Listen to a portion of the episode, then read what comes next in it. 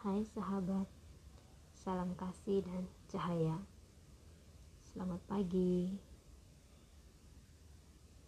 Aku Yohana. Aku kembali menceritakan kisahku menurutku. Kali ini aku mau bercerita bagaimana aku menjalani kesepian dalam hidupku selama ini.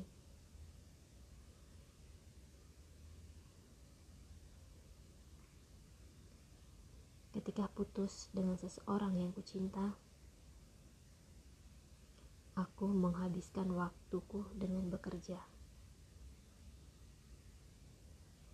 Tidak ada ruang untuk cinta yang baru yang ada hanyalah luka. Kelihatan dari luar, aku baik-baik saja. Tetapi sebenarnya, aku merasa sepi dan hampa. Hampir lima tahun, aku hidup dalam kesepian yang pertama terkait relasi percintaan. Sampai akhirnya aku terkoneksi dengan seniorku di SMU melalui handphone. Rasa sepi ini sempat memudar. Tetapi itu tidak berlangsung lama. Akhirnya, aku kembali bersahabat dengan kesepian. Rasa takut bercampur frustasi ikut menyumbangkan perannya. Aku takut pada usia yang semakin menanjak. Aku sedih melihat relasi-relasiku yang hancur di tengah jalan. Aku semakin menangisi diriku ketika menyadari banyak sahabat-sahabatku yang telah menikah. Dan akhirnya, aku semakin tenggelam dalam kesepian. Tetapi aku tidak brutal, dalam arti melarikan diri dari kesepian dengan menjalani relasi yang tidak sehat. Aku memilih merasakan sakitnya hidup dalam kesepian daripada menghabiskan waktu dengan lawan jenis yang sebenarnya aku tahu dia toksis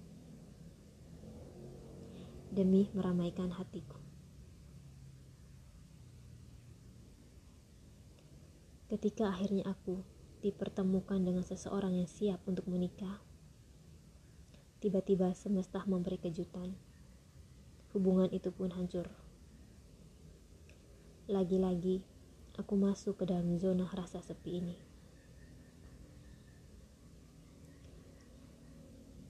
Dan ketika aku mulai melakukan inner journey, transformasi dalam diri terjadi. Aku dengan sadar memilih ada dalam kesepian sampai waktunya semesta mengirim seseorang yang adalah cermin diriku. Dan aku percaya jika seseorang itu sudah dipersiapkan untukku, tidak peduli seberapa jauh jarak serumit apa rintangan.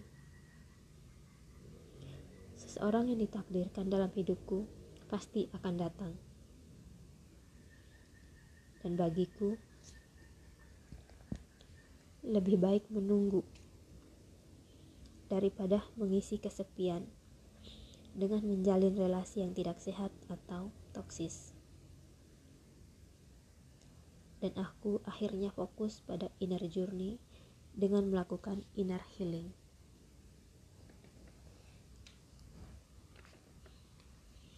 Nah, suatu hari sahabatku menceritakan kisahnya.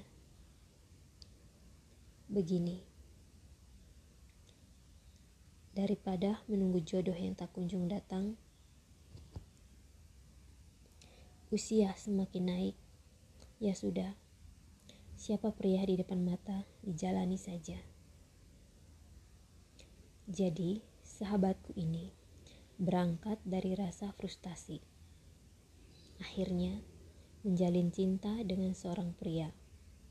Pada dasarnya dia tahu pria ini bukan yang baik buatnya. Mereka sering berantem, tetapi dia tetap menjalani karena dia takut pada kenyataan ini, hidup dalam kesepian. Dia tidak mempunyai cukup keberanian untuk merasakan sepi. Dia melarikan diri dari kesepian dengan menjalani relasi toksis. Tetapi aku tidak mau mengontrolnya. Itu privasinya. Aku hanya menceritakan kisahku bahwa aku lebih memilih ada dalam kesepian dan melakukan inner journey dengan inner healing. Aku hanya percaya akan ada waktunya semesta memberiku hadiah. Memang, menunggu dalam ketidakpastian itu tidak mudah. Tetapi dengan kesadaran bahwa aku ini siapa, untuk apa aku ada di sini, aku akhirnya sadar bahwa menunggu dalam sepi tidak lagi menyakitiku. Dulu, aku memilih ada dalam kesepian karena ada rasa frustasi yang terselubung dalam diam. Tetapi setelah bertransformasi, aku memilih ada dalam kesepian dengan lebih sadar. Karena aku tahu aku sedang diproses oleh semesta dan aku sudah tidak lagi menjadi korban dari keadaan sepi ini. Karena aku tahu ada proses yang harus kulewati, dan mau atau tidak mau, aku harus mau. Pada akhirnya aku sudah tidak terganggu lagi dengan pertanyaan orang-orang di sekelilingku terkait pernikahan. Sudah menikah belum? Kenapa belum menikah? Atau usia sudah cukup tuh untuk menikah? dan aku mengabaikan apa kata orang lain. Aku fokus pada proses perjalanan jiwaku. Bagiku, hidupku adalah milikku. Aku yang paling tahu.